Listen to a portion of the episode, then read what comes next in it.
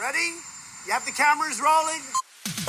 He was hosting boozy parties in Downing Street.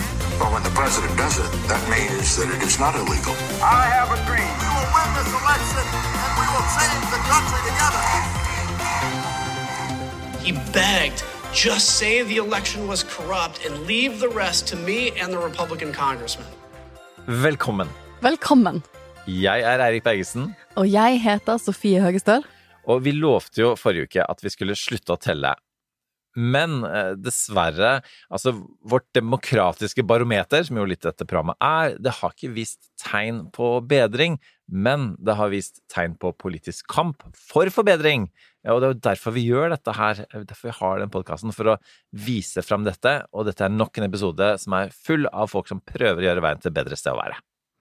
Ja, så dette er vårt nokså uhøytidelige, veldig personlige forsøk på å ba gå bak ukas nyheter, lete etter sammenhenger, si noe om fremtiden, på jakt etter det store bildet, slik vi ser det. hver fredag. Og i dag skal vi liksom begynne rett og slett litt der vi eh, begynte hele podden med, nemlig om Ukraina-krigen. Eh, vi skal eh, litt innom Ukrainas eh, mulige EU-medlemskap, litt innom Nato. Eh, I neste uke er det stort Nato-toppmøte i Madrid. Vi skal snakke om de dårlige økonomiske tidene, og vi skal selvfølgelig ha en ja, litt sånn utvidet eh, Trump-watch også denne gangen, for det er eh, 6. januar-komité, det er, det er eh, våpendommer, det er mye på eh, tapetet.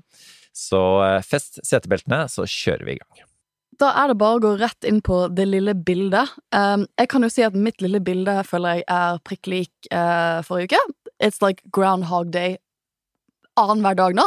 For jeg sitter jo og venter på denne abortdommen. Déjà vu all over again, som det heter på amerikansk. Déjà vu all over again. Og um, altså, amerikansk høyesterett skulle- hadde jo egentlig forespeilt at denne uken her så ville det komme dommer på tirsdag og jeg var sånn, ok, veldig, veldig klar nå. Og så plutselig så gula det ut fredag, som betyr det kommer dommer på fredag også. Og da var jeg sånn, nei, nei, nei, nei, jeg har lyst til å drikke pils i parket og grille på fredag. Jeg skal ikke sitte og liksom refresh klokken fire. Um, og den abortdommen, og, og, selvfølgelig så, så kom jo ikke abortdommen. Så jeg, jeg har brukt sånn fem-seks dager nå på å liksom sitte, altså bruke uforholdsmessig mye tid foran den uh, Høyesteretts nettside på sånn, for, liksom, for å følge med live når disse dommene kommer.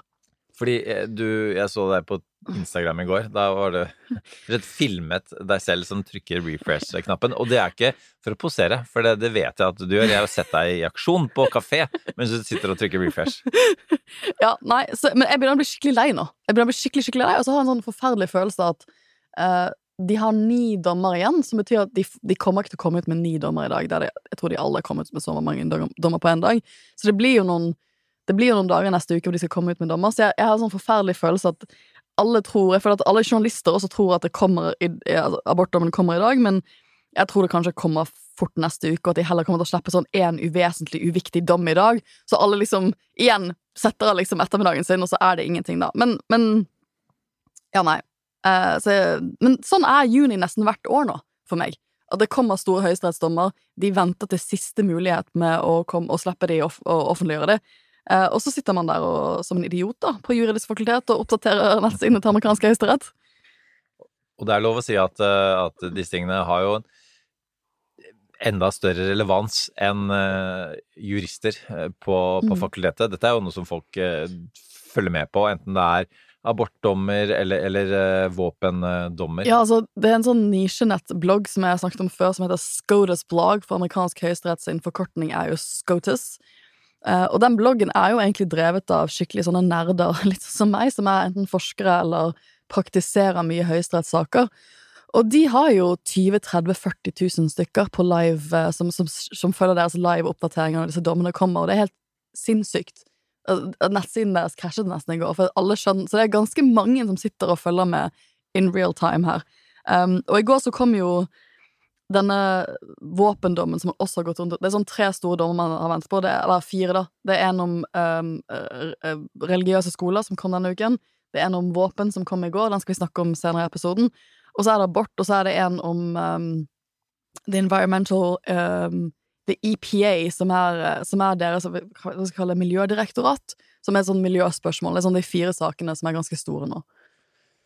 forslag til deg, Sofie. Ja. Det, du burde hatt sånn YouTube-kanal, du vet sånn som sånn gamere har, hvor du følger med at de sitter og gamer, og dette tjener de masse penger på, mye annonser inne i bildet.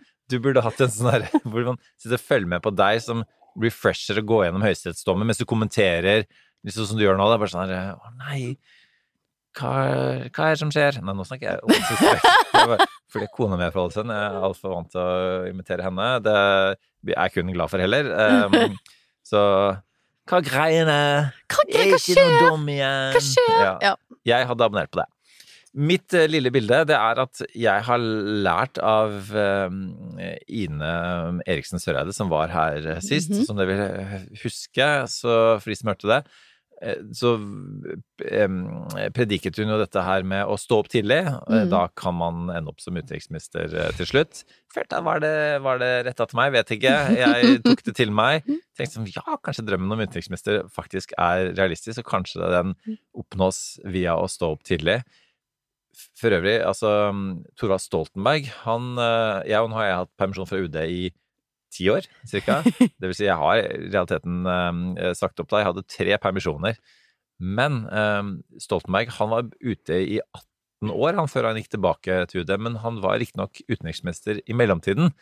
Altså nesten nærmest for å rettferdiggjøre at han skulle være ute fra byråkratiet. Så kanskje, kanskje jeg skal bli utenriksminister for å kunne forlenge permisjonene. Altså, det hadde jo vært eh, fantastisk. Men du har jo stått opp tidlig i dag, for du har jo vært på TV. Du har jo TV-sminke. Det kan ikke lytterne høre, men jeg ser på en mann med TV-sminke.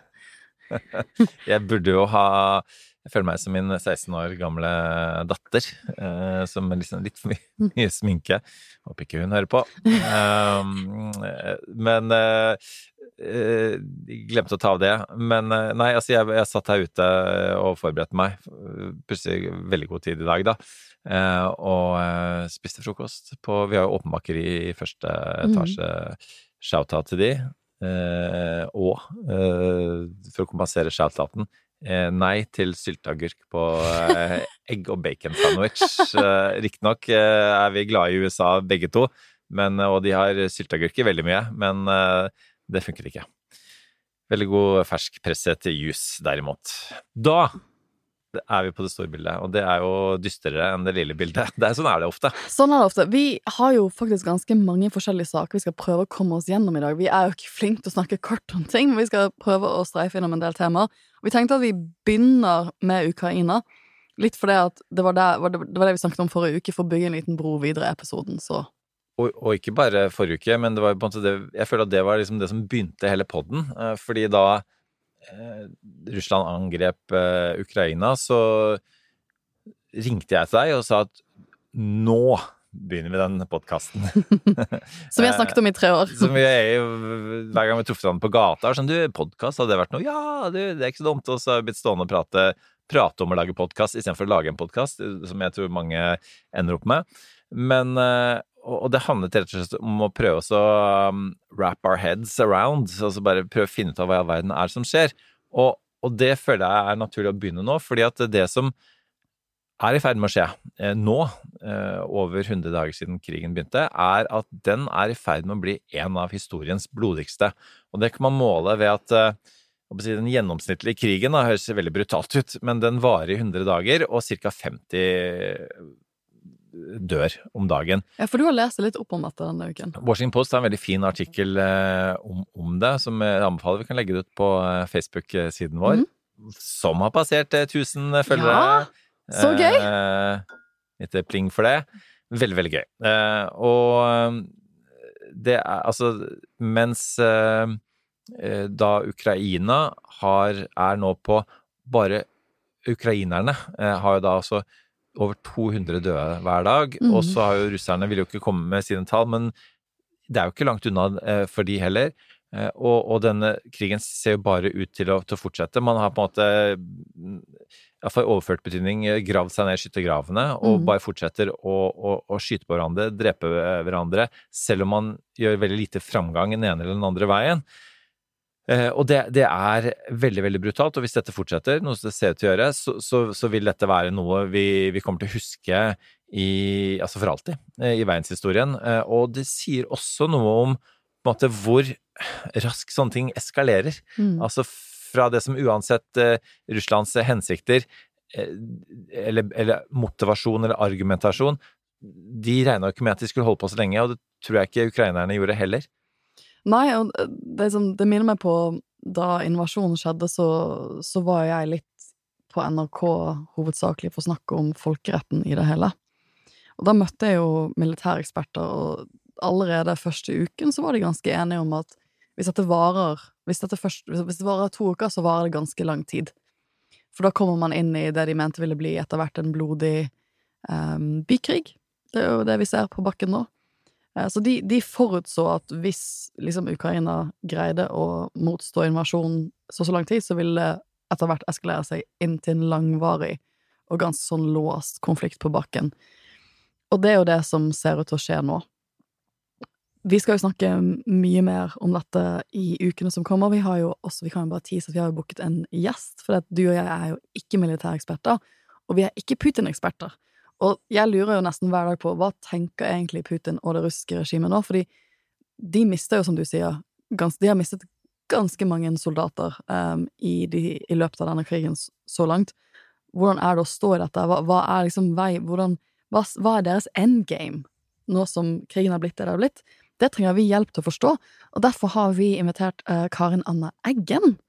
Uh, veldig, veldig dyktig uh, forsker um, til å komme hit og forklare og gjøre oss klokere, for vi har jo alle sett denne på TV forklare dette på en helt fantastisk uh, interessant måte. Og hun har for øvrig en også veldig god kronikk i VG. Mm. Um, I går var det vel, så vi får legge ut den også. Ja. Uh, som også er også Det som jeg syns er veldig bra med henne, for å bare Eh, ta med deg i samme slengen, er jo at hun klarer også å vise måte de menneskelige sidene av ja. det, selv om hun er eh, teoretiker. Og, mm. og for at altså, så mange mennesker mm. eh, hver eneste dag, det er eh, ikke til å fatte. Det var litt det vi begynte disse episodene med, om også, eh, at jeg gjorde sånn mea culpa på at, at jeg som eh, diplomat i sin tid snakket i, ikke engang det store bildet, men på en måte de brede linjer, på en måte som gjorde at man, man Eh, i, i analysene, byråkratanalysene, skrivebordsanalysene, så glemmer man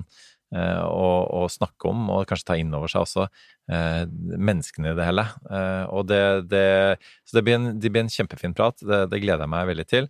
Eh, og så er det liksom du, du sa i stad, Sofie, dette med at eh, det er jo, ser jo ikke ut til å være en militær løsning, og hva er det da som gjenstår? Ja, da er det jo å prøve å finne politiske løsninger. Da snakker vi jo egentlig om en mulig fredsavtale, eller i alle fall, om ikke, fred, om ikke en direkte fredsavtale, for det er kanskje litt vel ambisiøst, at man kommer til en eller annen sånn detant, da.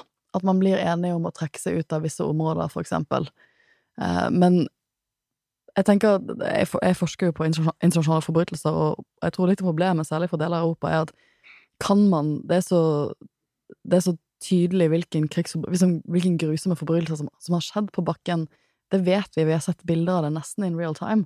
Og det gjør jo den type løsninger hvor eh, Den type politiske løsninger enda vanskeligere. Så det, det, det, det, er flere vanskelige elementer her.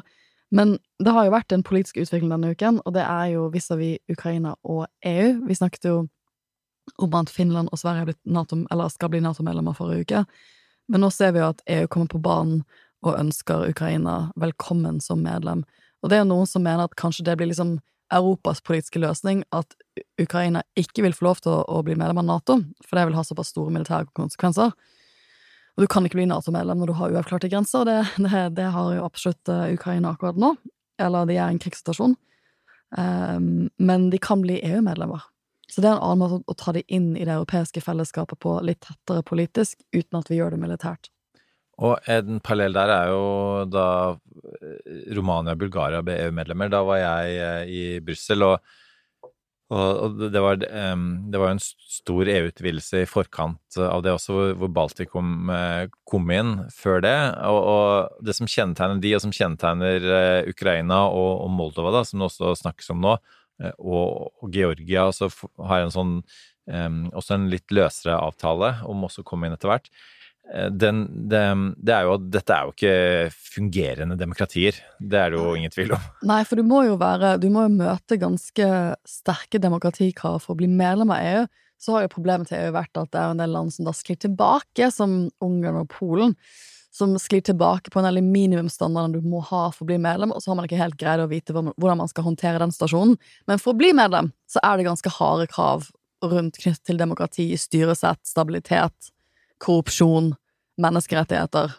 Ja, de tingene du, du er ekspert på, altså dette med en fungerende rettsstat, Ja. av det at man ikke kan ja, korrupsjon. Liksom, man, kan man kan ikke kjøpe seg til, eh, til, til eh, si, en ulikhet for loven, da. Eh, Mm. og, men også dette med sammenblandingen ofte med, med, med det militære og, og politikken, som jo er en av grunnene til at uh, Tyrkia, for eksempel, eh, ikke er EU-medlem, selv om de veldig gjerne skulle ønske seg det.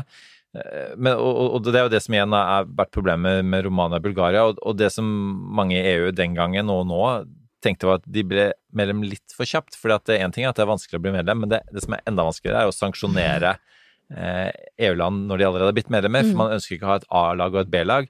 Eh, og, og, og, og, da, mm, og det er fortsatt noe man strever med, og, det er jo også et av de fremste problemene for Ukraina også med medlemskap, er at eh, det hjelper ikke med en eh, forbilledlig eh, um, um, Zelenskyj på toppen, når, når det nedover i systemet, Systemet må jo fortsatt være ikke funker så godt. Ja, og, det, og det er jo grunnen til at Ukraina ikke er EU-medlemmer fra før. Er jo en del av disse problemene her.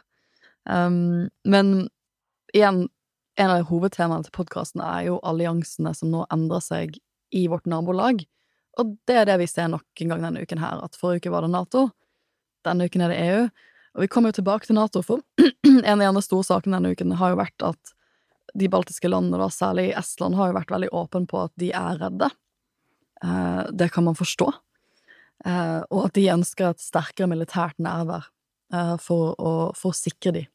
De ønsker rett og slett en flerdobling av Natos nærvær i regionen. Det betyr at eh, ja, man kan ha en eh, divisjon da, på 20 000-25 000 soldater eh, på, på Baltikum som er stasjonert der fast, og det er jo da altså tett på eh, Russlands grense. Eh, og nå er det, mm, eh, nå er det Nato-toppmøte i Madrid i neste uke. Det er ikke Ja. ofte disse Nato-toppmøtene, det er ikke ofte de har, har som skal legge fram en ny strategisk Mm. eh, handlingsplan, og det, det gjør man nå. Det er mange år siden sist. Eh, Og man, det man trodde at man skulle legge fram den gangen, eh, eller tidligere at man skulle legge fram nå, eh, var jo nettopp ting som har med Kina å gjøre, Ja, ja. og Asia og trusselen derfra. Helt andre fokus, altså helt andre trusselbilder enn det man står i nå. Ja. Så hvis noen hadde sagt til Nato eh, for eh, et år siden eh, så at dette var det de skulle ta på, på dette toppmøtet, så hadde ingen trodd det. Fordi det, det er slett mm, hjertet av Europa eh, krisen eh, nå Ja, så. Jens Stoltenberg skulle jo legge dette frem, og så skulle han bli sentralbanksjef i høst. Og sette opp renta vår. Sånn ble det ikke. Men Jens Stoltenberg, vi vil gjerne fortsatt ha det på podkasten. Du kommer til å få en invitasjon. Kom og forklare oss om den nye strategien til, eh, til Nato, som du nå må jobbe med en, en periode fremover. Kanskje han forklarer det etter toppmøtet. Du skal få litt arbeidsro Ja, før ja, ja, toppmøtet, ja. Jens Stoltenberg, hvis du Mm. hører på, på nå. Um, Men vi skal jo prøve å komme gjennom flere temaer i dag. Jeg føler at nå har vi snakket om EU, Ukraina, Nato, Baltikum.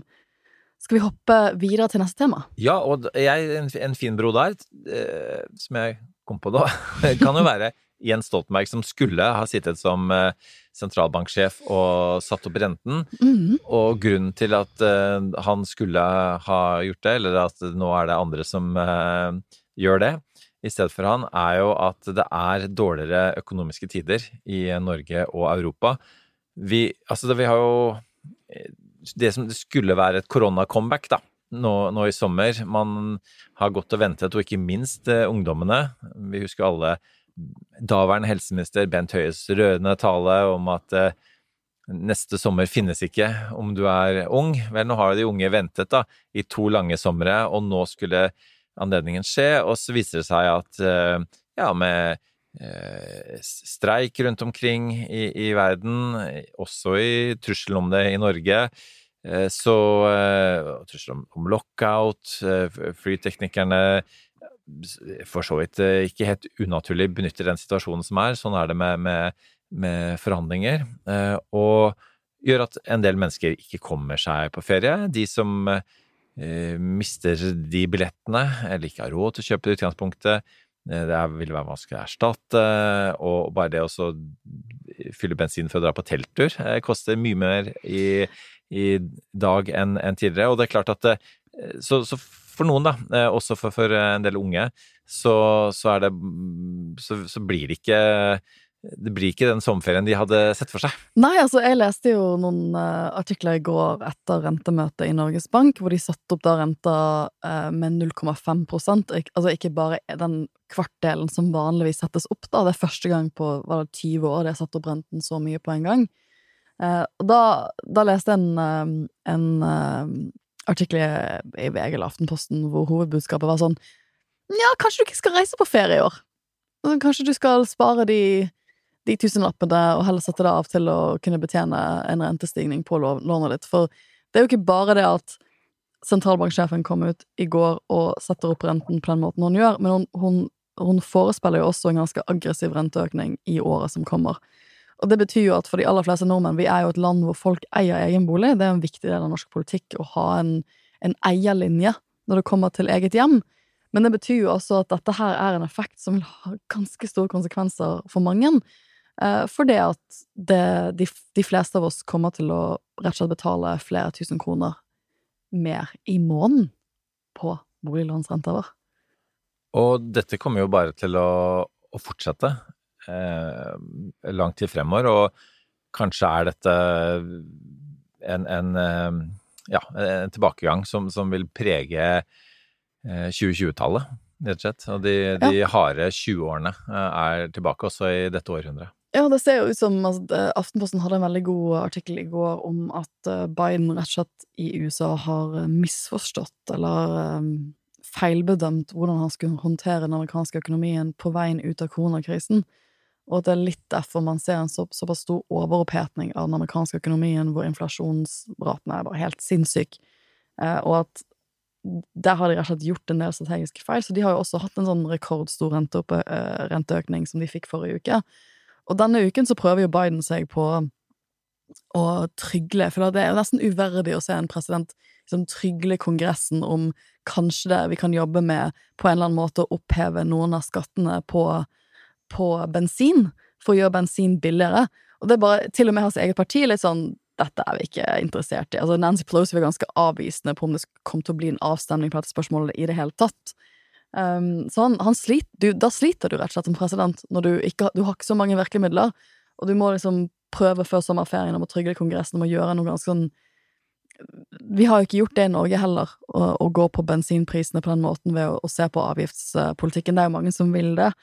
Um, men, um, men, det er klart at for en, van, for en, vanlig amerikaner som er så avhengig av bilen sin, så merker du den bensinprisen hver eneste dag. Jeg husker forresten uh, back in the day, det var Jay Leno leda uh, The Late Night Show, som um, snakket om at, uh, at med avgifter så, så, ville man da ville folk kjøre mindre bil, og, og dermed ville det beskytte miljøet som en spøk. Eh, og mm. det er jo norsk miljøpolitikk, ja. og blitt amerikansk også. Men det sier jo litt, det er ikke mange år siden eh, man, man spøkte om disse tingene her. Fordi, mm. ja, som du sier, altså veldig mange amerikanere er jo avhengig av bil på en annen måte enn en nordmenn er, og så er jo byene lagd eh, for bilisme. Mm. Eh, ikke nå... lagd for å gå. Nei. Altså det å prøve å gå i en del amerikanske byer er Jeg liker gåsteder det er, sånn det er, nesten alltid et skikkelig kultursjokk for meg, for det, det, er bare ikke laget for at du skal gå til butikken. Jeg husker, altså, jeg husker en minne fra da jeg bodde i USA, var sånn Kona mi ville at vi skulle gå en tur. Og så var jeg sånn Hæ? Hvor skal vi gå hen? Hvor, hvor, hvor, skal vi gå? Hvorfor skal vi gå? Vi kan jo bare kjøre. Og jeg var sånn, altså, jeg ble så amerikansk at jeg endte opp med liksom å kjøre til en butikk, og så var det så vanskelig å parkere der at jeg parkerte lenger unna enn huset mitt. For butikken lå like ved huset mitt. Men så amerikansk eh, ble jeg. Men så du forresten uh, Biden uh, her om dagen, hvor han avslutter en tale, og så snur han seg for å hilse på en person, som, og så er det ingen person der. Nei. Og så bare later han som ingenting, så går han av scenen. Åh, det var sånn derre uh, og, og, disse trumpistene som jo mener at Biden er dement og, og så videre, så sier jeg alltid at én, han er ikke dement, to, din mann prøvde seg på et statskupp. Så det, it doesn't compare. Eh, samtidig som bare uff, det Jeg innrømmer at det, innimellom så blir man veldig urolig for at eh, ja, han mangler energien og kanskje det, det tilstedeværelsen Ja, det- som man trenger i våre tider. Det er litt interessant, for det. jeg føler at økonomien skulle jo være ganske viktig for han. Han gikk jo liksom til valg på å håndtere korona, det gjorde han. Men også da økonomien i under korona. Og det ser det jo ikke ut til at har skjedd på riktig måte. Det vil jo sikkert være mye diskusjon om det, men det er jo et mareritt for en sittende amerikansk president å gå inn i et mellomvalg. For det, amerikanske presidenter taper jo som oftest mellomvalget uansett, men det er et mareritt å gå inn i et mellomvalg med den økonomien som man har nå. For det, og det er sånn, du og jeg er jo ikke økonomer, så det er jo vanskelig for oss ta det, Dette er sånn dette er den forklaringen vi har fått hele uken, at den norske økonomien går egentlig for bra. Liksom, det er for mye penger i flyt, det er derfor liksom, vi må stramme inn renta, for at liksom, vi skal ikke bruke like mye penger, og inflasjonen skal ikke like mye opp. Men det vanlige folk føler altså, Som en vanlig person, jeg tenker jeg er en vanlig person, så, så føler jeg jo ikke at, at, at det er for mye penger, at jeg har for mye penger, eller at det går for bra, liksom. Um, så det er jo litt av problemet, at hovedbudskapet fra Biden-administrasjonen har jo lenge vært sånn jo, jo, men dette går jo, økonomien går jo som det griner. Lav arbeidsledighet. Det sier man også i Norge. sånn lav arbeidsledighet. Men for vanlige folk, da, som ser eh, Som kanskje har fått eh, på papir har fått høyere lønn enn det de hadde i fjor, kanskje en bedre jobb til og med, så er jo realiteten at mye av det, de ekstra pengene er jo allerede spist opp av bensinpriser i, i Europa, av strømpriser, eh, matvarepriser, og så kommer en renteøkning på boliglånet på toppen av det, og da føler du deg ikke rikere. Så det, det sånn, jeg syns at kommunikasjonen til vestlige ledere rundt dette her eh, vil, vil være nødt i, i ukene som kommer. For du må balansere på Du må nok, du må nok være veldig tydelig på at vi må stramme inn. Det blir ikke fetere. Det, dette kommer til å gå bra, men, men, men, men det kommer til å ha en trangere økono, privatøkonomi i tiden som kommer.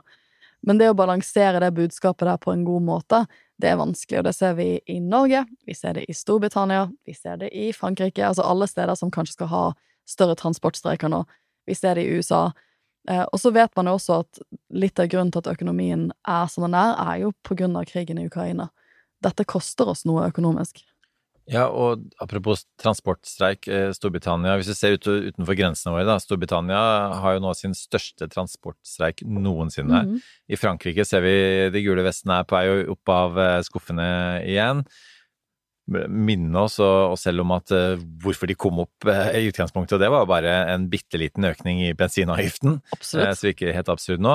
Og så ser vi i EUs hovedstad Brussel at, at alle fly har jo, har jo stått. Så, så selv om på en måte ting man ikke ser det så tydelig når man letter fra Gardermoen, så Mm. ser man det veldig tydelig når man lander et eller annet sted, hvor som helst sted i Europa. Så er det også interessant å se dette med ja, hvor viktig økonomi er, er i USA og for amerikanske valg, og vi har sikkert sagt det flere ganger her, men altså It's the economy stupid, som Ja. er den hovedtesen eh, i, i USA. Altså det og og det innebærer jo at, at eh, økonomi er det som, som avgjør valg. Det er viktigere enn oss selv nå med mellomvalget, enn at eh, lederen i det andre partiet prøvde å gjennomføre et Mm. statskupp.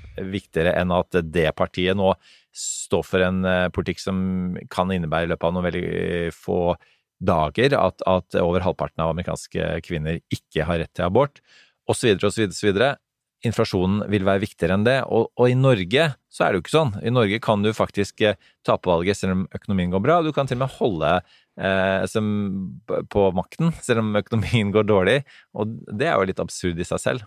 Ja, eh, og vi skal ikke snakke mye, vi skal, vi skal runde dette nå, men vi kan bare streife innom at det har vært valg i Frankrike. De hadde jo presidentvalg tidligere i år, og det snakket vi litt om. Macron vant gjenvalg. En av de første, altså den første eh, franske presidenten til å vinne gjenvalg på mange, mange, mange hands år. Men han er, han i likhet med en amerikansk president, har gått på en smell nå. For nå har de hatt parlamentsvalg i Frankrike, og hans parti har ikke fått flertall i det parlamentsvalget, så han er for meg litt som en amerikansk president som har tapt mellomvalget, i det at han har ikke lenger flertall for å gjøre de store tingene han har lyst til å gjøre i sitt eget parlament, uten å jobbe med andre partier. Så det blir jo interessant å se hvor handlingslammet han blir som president i tiden som kommer, på grunn av dette valget. Og det er jo litt sånn, man får et inntrykk av at man tenkte sånn, ok, du er bedre enn Marine Le Pen, det var ikke så mange andre kandidater, du vinner det valget der, men vi har egentlig ikke så mye tillit til deg som president. Så vi kommer til å stemme på andre partier når det kommer til uh, deres stortingsvalg, da, essensielt. Uh, og økonomi jo, eh, spiller jo en rolle der også. Norge er jo et, et land som har en bedre økonomi enn mange av disse andre landene. Vi har oljefondet, vi har en type reserver. Staten har, har bidratt både på under koronaen og, og, og strømkrise osv., men, men det er jo begrenset hvor mye staten kan eh, støtte renteøkninger osv., og, så og med god grunn, eh, fordi vi skal ikke gjøre oss eh, for avhengige av det. Samtidig så ser vi at eh, korona økte mm, økonomiske forskjeller i landet, og, Mm. og de øker enda mer nå. Og det, det, det må man bare erkjenne, at, at selv i Norge så, så er forskjellene blitt større. Og vi hadde på eh, Norske tilstander i går, en episode som fortsatt ligger ute, TV2 Play, eh, med blant annet eh, forbrukerøkonom i Nordea, Deria Inse Dursun, som, som også snakket veldig godt om dette, og også kom med noen, noen tips som forbrukerøkonomer jo er gode på, om, om hvordan man kan komme seg gjennom sommeren allikevel med, med litt dårligere råd. Og hun gjennom sin oppvekst hadde nettopp det, kjente på en type skam, snakker veldig fint, fint om det. Eh, og så kom jeg da med, eh, helt til slutt, kan bare nevne det, eh, i, i programmet, innrømte at jeg er ikke økonomiekspert, men eh, Norge med verdens nest lengste kystlinje, med åtte ganger så mange sjøer som de tusen sjøers land Finland, så er det jo én ting som er helt gratis, nemlig å hoppe i vannet. Og så hoppet jeg i vannet eh, med klærne på fra noe sånt som tre-fire meter. Nesten litt skummelt På TV. på TV. Og Eirik. Som jeg vet, da. Eh, Jeg var litt sånn What would, Ander, what would Anderson Cooper Ja. do?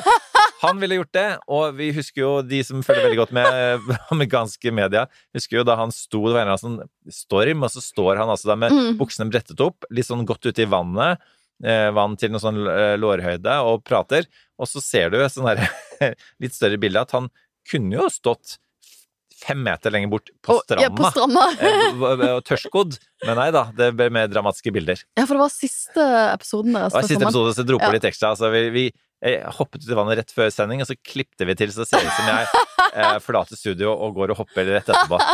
Så eh, litt eh, fake news, som det heter. Vi eh, trenger også å få inn en økonomiekspert, for vi må snakke mer om dette. For vi skjønner jo at um, Jeg tror jeg skal snakke med dere. Ja, jeg tror økonomi blir viktig i årene i tiden som kommer, for det store internasjonale bildet. Men da tror jeg tiden er inne for litt Trump-watch. Quiet, quiet, quiet. You are a rude, terrible person. Ok, uh, det er mye som har skjedd i USA denne uken. Uh, spørsmålet er, Skal vi begynne med våpen, eller skal vi begynne med 6. januar-komiteen? Altså, nå er det så mye at jeg vet ikke hvor man skal begynne. Og jeg, og jeg, jeg kommer fra, fra studio i dag eh, morges klokka sju, og da Altså, i gamle dager så var det sånn herre uh, Hva skal jeg snakke om? Uh, og så, så fikk jeg bare høre eh, Bare siste Trump. Uh, og så endte det ofte med at jeg fikk noen spørsmål som, som vi ikke hadde rukket å prate om på forhånd. Og det var det som skjedde i dag også. Jeg trodde jeg bare skulle snakke om 6. januar-komiteen og kongresshøringene, men så jammen hadde ikke Høyesterett i mellomtiden opphevet den våpenloven, så jeg, jeg snakket også om det. eh, og man sitter jo og følger med på disse tingene. Savnet du meg da? Du måtte Så- snakke om juss. Det var rett før jeg skulle til å henvise til deg, faktisk. Men tenkte jeg at eh, det Nei, det Dette greier du. den, eh, det, det her står, må jeg stå på egne bein. Men jeg, jeg føler at uh, våpenspørsmålet viser problem, altså mange av de politiske og juridiske problemene i USA. For det som egentlig har skjedd denne uken, er en skikkelig gladnyhet. Og det er at de senatorene som ble enige om et våpenforlik, de har greid å konkretisere det i en lovtekst. Og de har nå vedtatt det i Senatet. Og det er jo første gangen de vedtar denne type våpenregulering på mange tiår, rett og slett. Så det er store nyheter. Eh, det at man har greid å komme sammen eh, eh, på tvers av partiene. Og det at, hva var det, 10-15 republikanere stemte for i Senatet, det er ikke så dårlig, gitt, eh, gitt eh, samarbeidsklimaet som har vært i Senatet de siste årene. Um, så det, det er jo rett og slett en milepæle eh, for våpenlovgivning i USA. Og vi, vi har jo snakket om denne våpenpakken Jeg Vi har vært litt innom den, men den har en del jeg vil si ganske sånn positive innstramninger, blant annet å rett og slett gjøre det vanskeligere for tenåringer å kjøpe våpen. Det syns jeg er en positiv, utelukkende positiv greie. At det skal være litt Altså hvis du er 18 år gammel og har lyst til å, å, å, å liksom tropper opp på nærbutikken og skal kjøpe masse våpen, så, så, er det kanskje litt mer kontroll som skal til. Altså, um, vi skal jo tilbake til uh, på 1990-tallet uh, mm. for, for, siste sånn uh, bipartisan tverrpolitisk våpenlov. og det var det Brady Bill, så vidt jeg husker, og det var jo James Brady som rett og slett ble, ble skutt. Mm. Samtidig som Ronald Reagan ble skutt, av John Hinckley jr., som jo da uh, prøvde å, å, drepe Reagan i sin tid. Og det som er interessant med det, var at da var jeg eh, skoleelev i, eh, i, USA, i, Washington. Faren min jobbet på norske ambassaden, og vi ble liksom rushet inn på kantina og Um, og ja, og dører ble låst, og vi var, husker jeg, vi var engstelige. Og hva i verden er det som, som skjer? Og det var litt sånn uoversiktlig da. Men uh, det var jo en, en gal mann som uh, skulle prøve å imponere Jodie Foster, og det utrolige for øvrig er at han ble sluppet ut av fengsel uh, denne uka her. Så, um, så Coming det, full circle. Ja, på den ene siden så har du denne våpenpakken som, er, som har gått gjennom Senatet som også da kommer til å gå gjennom uh, Underhuset i, i, um, i, Kongressen. Så det er veldig positivt. Men det som skjer egentlig samtidig som det, er at amerikansk høyesterett kommer ut med den viktigste våpensaken på mange tiår, de også. Uh, og der går de stikk motsatt vei. For den våpensaken de skulle se på, det var en 100 år gammel lov fra New York. Som de selvfølgelig har revidert. Den er ikke sånn 100 år gammel. Den har blitt fornyet, den loven der, da. Men det er en uh, lov fra New York som går på hvor du har lov til å bære våpen i offentligheten. Uh, og det amerikansk høyesterett sier, det, de bygger på en ganske viktig våpensak fra 2008, hvor de, hvor de, liksom, sånn som jeg husker det, nå er det lenge siden jeg har lest den saken, men det de sier i den saken fra 2008, er at ja, vi tolker den amerikanske grunnloven, den biten om våpen, om retten til å bære våpen, til at det er en individuell rett, og du, det betyr at du har en individuell rett til å ha våpen i huset ditt, i hjemmet ditt, og det er grunnlovsfestet. Og de bygger egentlig på den til å si at ja, du, du, har ikke bare det, men du har også lov til å Det betyr også at du har lov til å ha med våpen litt utenfor hjemmet. Hvis du er en vanlig lovlydig borger, så skal ikke staten kunne komme og uforholdsmessig gå inn og si at nei, du får ikke lov til å ha våpen her og her og her i offentligheten.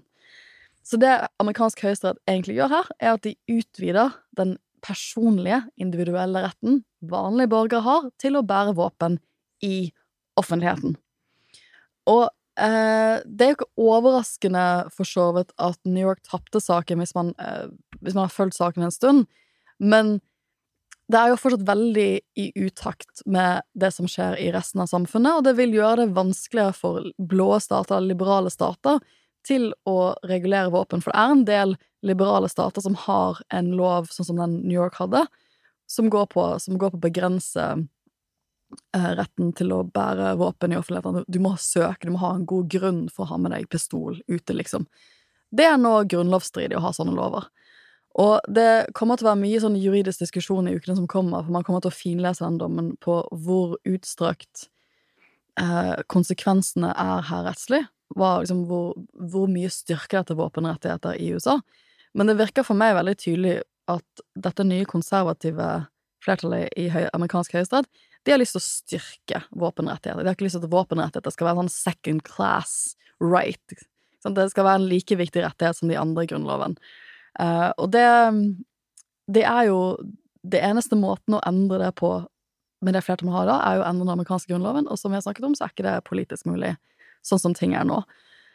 Og det tror jeg vil medføre, i årene som kommer, er at nå vil en del konservative aktører si at oh shit, vi har en amerikansk høyesterett som ønsker å styrke våpenrettigheter. Nå kjører vi bare masse testsaker. Nå klager vi inn masse lover i masse stater og sier at de er grunnlovsstridige, så ser vi hva amerikansk høyesterett sier. Det er litt den utviklingen man har hatt på abortfeltet. ikke sant? Jeg tror du vil se den mye sterkere, den utviklingen på våpenfeltet etter denne saken så det kan fort bare være første saken.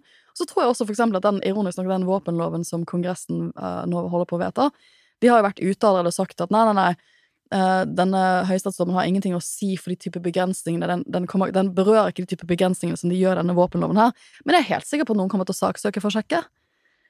Uh, så, så, det er um, det er rett og slett en, en, en ganske viktig dom, og det viser jo hvor enormt viktig det var for Trump å få inn dette konservative flertall i amerikansk høyesterett. Ja, det har virkelig betalt seg for han, Mhm. for å si det sånn. Uh, ikke minst eh, når det gjelder eh, abort, som vi har snakket om allerede. Eh, og eh, med det så kan man på en måte fastslå at eh, når USA går ett skritt fram, så Mm. går de samtidig ett skritt tilbake. Ja. Og, det er, og Biden var liksom ute med en gang og sa han var veldig skuffet, og det er jo det, er jo det alt han kan si. Han kommer til å si akkurat det samme om abort, men han har ikke noen andre politiske virkemidler enn å si at han er skuffet. Han er, kan, det er veldig lite han kan personlig gjøre for å endre det som skjer nå, for det at det går, det går på hvordan dette konservative flertallet, som er ungt og kommer til å sitte lenge, tolker Grunnloven. Um, så, så ja, det, det, det var ikke uventet, men det er fortsatt noe sjokkerende. Det er kanskje litt derfor, og amerikansk høyesterett sier at de ikke tar sånne hensyn, da, men det er kanskje litt derfor jeg har en følelse nå, Det kan være at jeg spiser det jorden om noen, noen få timer, men det er kanskje derfor jeg tenker at det ikke kommer noe om i dag, for at man kan liksom da, er jo da da å utvide retten til å gå med våpen på en torsdag, og så bare uthule abortrettigheter på en fredag. Det er, det, det er politisk sprengstoff, rett og slett. Og du ser jo at um, det har vært så ille siste ukene at Brett Kavanaugh har jo rett og slett fått noen som har prøvd å drepe han, som har blitt arrestert for forsøk på drap. Og det er jo bare helt forferdelig at man har kommet dit at, uh, at høyesterettsdommerne Jeg tror det er ingen norsk høyesterettsdommer som jeg har hørt om, som har vært utsatt for drapsforsøk på denne måten i Norge. Um, så det jeg, jeg vet ikke om de tenker sånn Kanskje vi skal ta helgen og så slippe abortsaken neste uke. For det, ta én politisk bombe av gangen. Men de sier jo ofte veldig konsekvent at de tar ikke sånne hensyn når de slipper dommerne. Men jeg vet ikke. Igjen, kan man virkelig liksom bare på én dag uthule Eller sterk, forsterke liksom retten til å bære våpen, og så neste dag bare uthule alle abortrettigheter? Jeg vet ikke.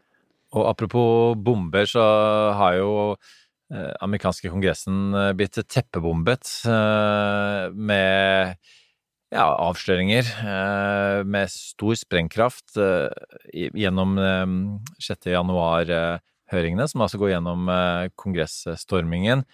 Eh, og, og vi har snakket om det før her, og det handler jo om at eh, ja, altså hvis man snakker om at the revolution will not be televised Vel, eh, denne forsøket på revolusjon ble televised, alle så det, alle oppfattet dramatikken, og så er det det man nå skal prøve å bevise, er på en måte i hvilken grad Trump orkestrerte og manipulerte det hele. Og det som kom fram i går, var jo eh, noe som er et av kronargumentene, er jo at eh, Trump rett og slett prøvde å tvinge sitt eget justisdepartement til å, å uten bevis si at, eh, at valget var korrupt. Ja, eller han det ser på sånn- bare, kan ikke dere bare si at jeg er korrupt, og så fikser jeg resten, liksom? Hvis dere bare sier at jeg er korrupt, så fikser jeg, ja, så fikser jeg resten. Og det er sånn, det er sånn Jeg fikk, sånn, jeg sånn, fikk sånn bilde i hodet mitt. I Norge så ville det ikke vært Justisdepartementet, det ville vært Kommunaldepartementet. For jeg har jobbet mye med dem, for det er jo de som driver med valg i Norge. Jeg kjenner jo de fleste av de byråkratene, for jeg har jobbet med dem i valglovutvalget. Liksom, jeg har sånn, et sånn bilde i hodet mitt av at Erna Solberg liksom etter valget eh, i fjor bare sånn liksom ringer, ringer, ringer, ringer opp til ekspedisjonssjefen bare sånn Du, kan ikke dere bare si at det har vært liksom ymse, noe sånn korrupsjonsgreier, og så bare fikser jeg resten? Så det hadde jo bare vært helt utenkelig, for du, du bruker jo da embetsverket ditt til å prøve å legitimere at det har vært valgjuks, og så skal du liksom fikse, fikse resten, da.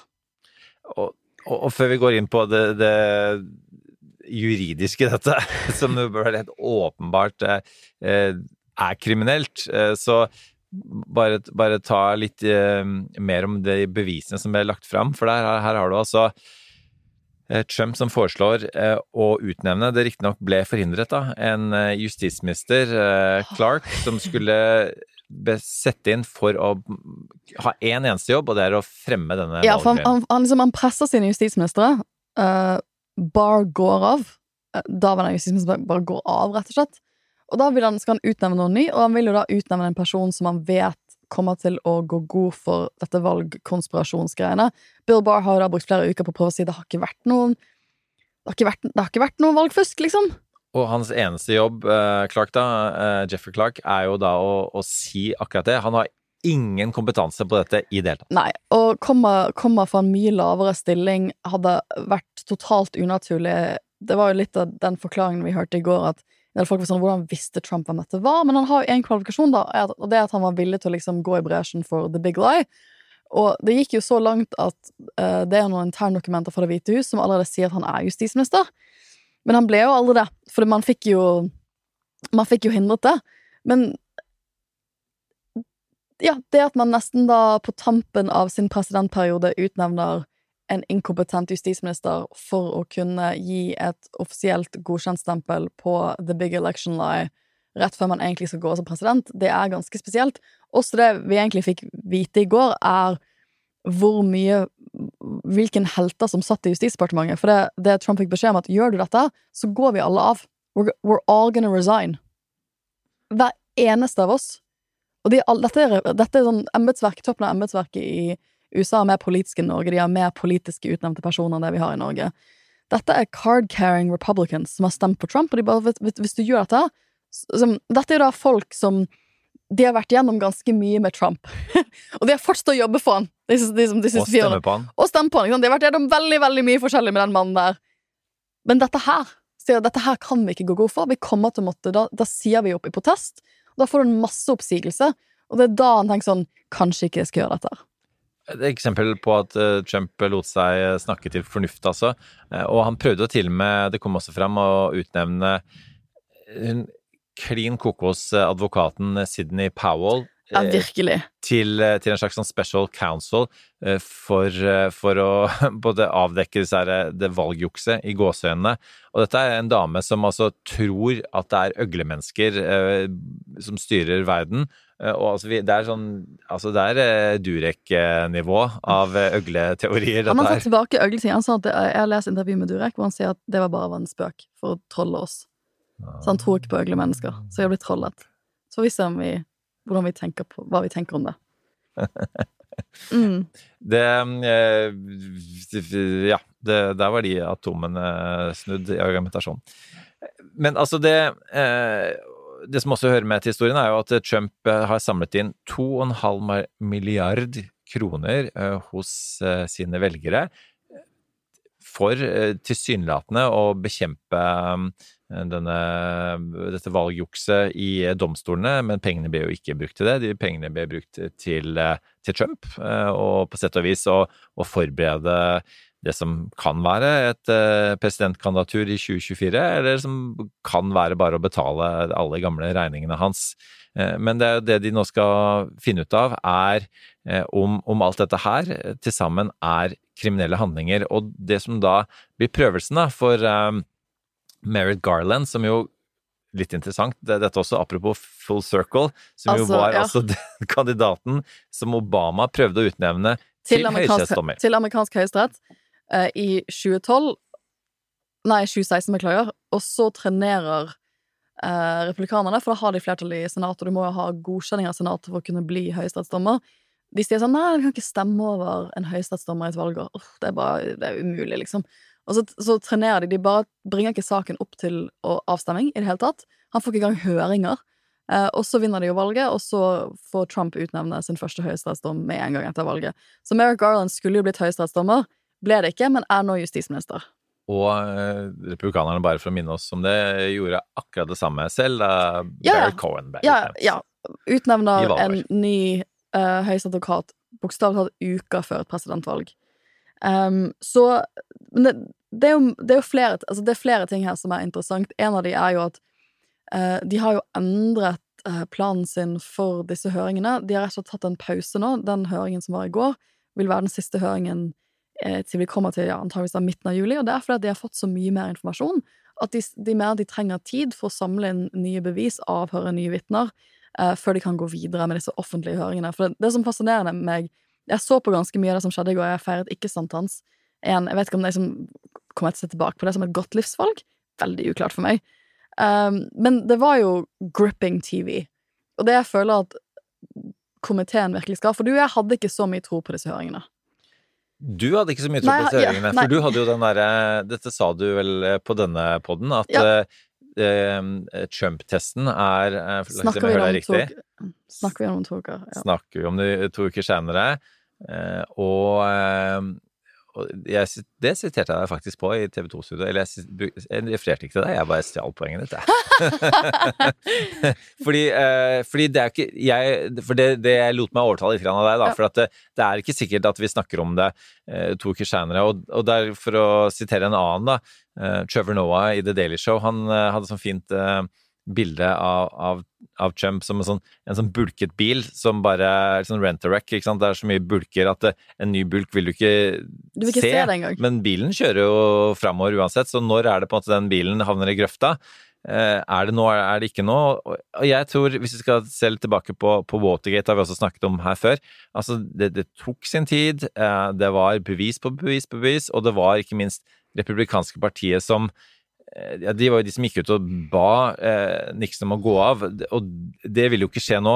Ikke vil partiet be Trump om å trekke seg, ikke vil Trump trekke seg om de gjør det, men eh, det er jo Det har demokratene skjønt, at de skal måtte eh, skal fight fire with fire. Altså de Mm. skal på en måte bruke republikanerne på å ta republikanerne, enten det er Ivanka eh, Trump eller det er eh, disse tidligere justisdepartementet-toppene fra republikanske partiet, så, så er det deres vitne av eh, det er jo det som er så fascinerende, det det som er så fascinerende her, at jeg føler at de har virkelig truffet på pedagogikken. Og de sa jo, vi snakket jo om det når vi snakket om denne, disse høringene sist, at de hadde litt- latt seg inspirere av masse TV-shows, de hadde skjønt at dette må TV, dette må være dette må nesten være en TV-serie.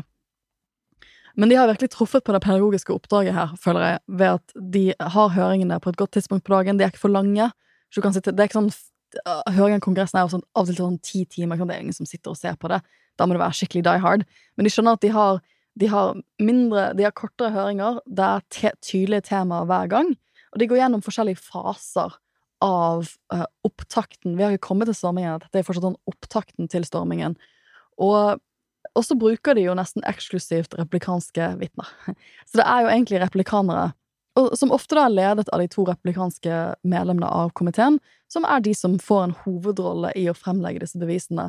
Og eh, det, er det har vært snakk i amerikansk presse om at Trump, som ser på dette, for selvfølgelig gjør han det, eh, er ganske sint på eh, McCarthy, han lederen i Representantenes hus for replikanerne, for at han ikke fikk inn andre personer i komiteen, for at han valgte å ikke få inn andre personer. For han har jo ingen som kan forfekte hans narrativ. Det er ingen person som kan sitte der og uh, prøve å ødelegge disse høringene med Og han har jo masse støttespillere som kunne gjort det, sånn Marjorie Taylor Green, som kan bare snakke crazy konspirasjonsgreier, prøve å avlede. Han har ingen på panelet som kan drive med avledningsmanøvre, og det betyr at de får liksom to-tre timer bare til å fremlegge sin sak, og de har brukt den tiden godt. Uh, og det er jo noen meningsmålinger Jeg synes alltid sånn jeg er alltid sånn skeptisk til sånn meningsmål generelt sett i USA, for det er så stort og, og mangfoldig land, og det å prøve liksom Jeg skjønner ikke hvordan du kan prøve å liksom poll et land på 320 millioner mennesker på en meningsfull måte. Det, vi, vi får ha en statistikkperson som kan komme og forklare oss hvordan du gjør det. Men det er jo noen meningsmålinger som viser at faktisk så ser det ut som har en effekt. Det er en økning i befolkningen som nå som, som, som har som mener at Trump har kanskje hatt mer ansvar. For at før de begynte med høringen, så var det jo noen meningsmålinger som viste at det hadde vært et dipp, et lite et fall av personer som er at Trump var ansvarlig for, eh, for 6. januar-stormingen. Og nå, det, nå er det kommet ut noen må- meningsmålinger denne uken som peker i motsatt retning. Og det kan jo tyde på at dette, har en effekt. Samtidig så skal det sies at uh, Fox News, som ikke ville vise disse høringene, de har nå begynt å vise noen av dem, men de får ekstremt lave seertall. For de sånn die hard Trumpers, de slår av. Og det var jo litt min sånn hovedfølelse mot disse, uh, disse sendingene, at kommer de som trenger å se dette, kommer de til å se på det. Men det er kanskje ikke Det er kanskje to at du skal nå de 30 som virkelig tror på denne, denne konspirasjonsteorien. Det var kanskje aldri, aldri helt realistisk, men det ser ut som de kanskje treffer noen moderate, mer moderate aktører som ikke er die hard Trumpers, som kanskje nå blir mer overbevist som de var før. Og han kommer ikke til å gå av som president, for han har allerede gått av. Men dette her har noe å si for om han kan stille til gjenvalg, rett og slett, i 2024. Ja, for det er jo det som Når disse høringene endelig er over, så er det altså da Merrick Garland, justisministeren, som skal bestemme om man skal straffeforfølge Trump eller ikke. Og så er det jo lett å tenke seg at det vil få en del politiske konsekvenser, på den måten at eh, mange republikanere vil oppfatte som en politisk forfølgelse. Um, eh, dette- men ja. Greia er jo at eh, hva Hvis han ikke gjør det, Ja. eh, og det er poenget sånn, hvis, hvis amerikanske justismyndigheter ikke forfølger det de mener, og som nå har blitt dokumentert, er en kriminell handling, altså at Trump prøver å manipulere valget, så betyr det at eh, da vil Trump garantert prøve å gjøre det igjen, hvis han er i den samme posisjonen, eller noen andre kan gjøre det seinere. Altså, dette er et sånn veldig interessant dilemma, hvor jeg kanskje hvor jeg mener, hvor jeg, For jeg føler at jeg kanskje har en, en upopulær mening. For det, det, det er en sånn eh, kronikk skrevet i Politico denne uken av en fyr som mener at man ikke burde tiltale Trump. Og jeg er nok litt enig med han. Og det Ja. I know. Oh. Eller, men, sånn, vi vet ikke nok ennå. Liksom. Og det eneste som kan ta den beslutningen, er jo statsadvokater som har sett bevisbyrden. Det har ikke jeg. Men litt av problemet med det Trump gjør, og det er ofte, ofte sånn strafferettslig problem, at han gjør så mye rart at det er liksom sånn eh, vanskelig å putte det sånn, i sånn tydelig strafferettslig kategori. Eh, og, og straffesaker skal bevises med en veldig høy bevisbyrde. Og en av sånn, hovedpunktene i en straffesak er jo hva intensjonen din var når du gjorde det. Eh, og komiteen har liksom ikke greid å bevise at Trump visste at det han gjorde, var korrupt. Og det, bli, det er et krav i ganske mange av de For du må jo putte det han har gjort, inn i en straffebestemmelse. Og en straffebestemmelse vil ha en rekke vilkår du må oppfylle for å dømme en person. Og en del av de straffebestemmelsene man kunne brukt i denne saken, her, de har som vilkår, som du må bevise i retten over enhver rimelig tvil, at du har hatt en korrupt intensjon når du gjorde det. Du skjønte at det du gjorde, var korrupt. Og det har vi ikke. Vi har ikke kommet inn på det ennå. En av de største, rareste tingene som har skjedd denne uken, det er at det har blitt klart at han har latt seg følge av en filmcrew de siste ukene. Det er en dokumentargjeng som har fulgt han. Det, det er en av grunnene til at de har stanset, de har stanset høringene til juli, for at de skal få innsikt i alle disse timene med tapes. Det bare for meg helt sinnssykt like, at han har latt seg ah, liksom, filme i løpet av dette. Men han dokumentarserieskaperen har jo sagt til komiteen at han mener at Trump tror på dette. Og det er sånn, kanskje hans beste forsvar i et straffesak. er at Nei, nei, nei, men jeg trodde på dette! Og, jeg, og, så, og så har du liksom sånn Men så har du sånn det andre sånn elementet her, og det er sånn Nixon kunne man også straffefullt. Nixon var skyldig i straffbare handlinger. Man valgte å ikke gjøre det. Og, og det i stedet var jo altså at man eh, pardoned him. Altså, og, og det eh, kan jo skje med Trump også, kan ikke det, Sofie? Eh, eh, Ja. Fordi at du eh, At man kan si at eh, ja, han er skyldig, men republikanerne eh, sier til han at du skal, du, vi, Ja. vi skal let you off the hook, men da betyr det at du aldri må stille som president igjen. all, alle skjønte at Art of the deal. Art of the deal, alle skjønte at Nixon Altså, Nixon kunne eh, En del liksom ble stappfullt i Watergate etter Nixon gikk av. De hadde jo Da var jo Nixon en sånn so-called unnamed co-conspirator i Eller ble, han ble nevnt i noen av tiltalene deres. For at han også kunne vært på den tiltalen som en person som ble straffet, altså som også skulle stilles for, for retten. Det ble han ikke, og det er en, dette er en sånn klassisk nesten problemstilling fra mitt fagfelt, hvor liksom hvor når, når så mye rart har skjedd, er liksom eh, Heler det sår, eller ripper det opp sår, eller gir du han en sjanse til å snakke om en witch hunt, eller vil folk føle at det går for langt? Altså at man blir at, at demokratene At det ser så politisk ut å prøve å putte en tidligere president i fengsel. For det er ingen amerikansk tidligere president som har havnet i fengsel eller blitt straffefullt. Så det, det, det, dette er kjempevanskelig. Jeg er veldig glad for at jeg ikke må ta den beslutningen der. Men jeg er jo helt enig med deg at hvis Merrick Garland Og han er ganske sånn han er, sånn, han er jo tidligere dommer, og det er likelig. Han er en ganske sånn sindig mann. Men dette er nok den vanskeligste avgjørelsen han vil måtte gjøre, er om han skal ta tiltale mot Trump eller noen i hans nære indre sirkel. For da, og jeg tenker sånn, You don't come after Trump unless you think you're gonna win. Da må han ha, må han ha en bevisbilde hvor han tenker sånn Dette vinner jeg i retten.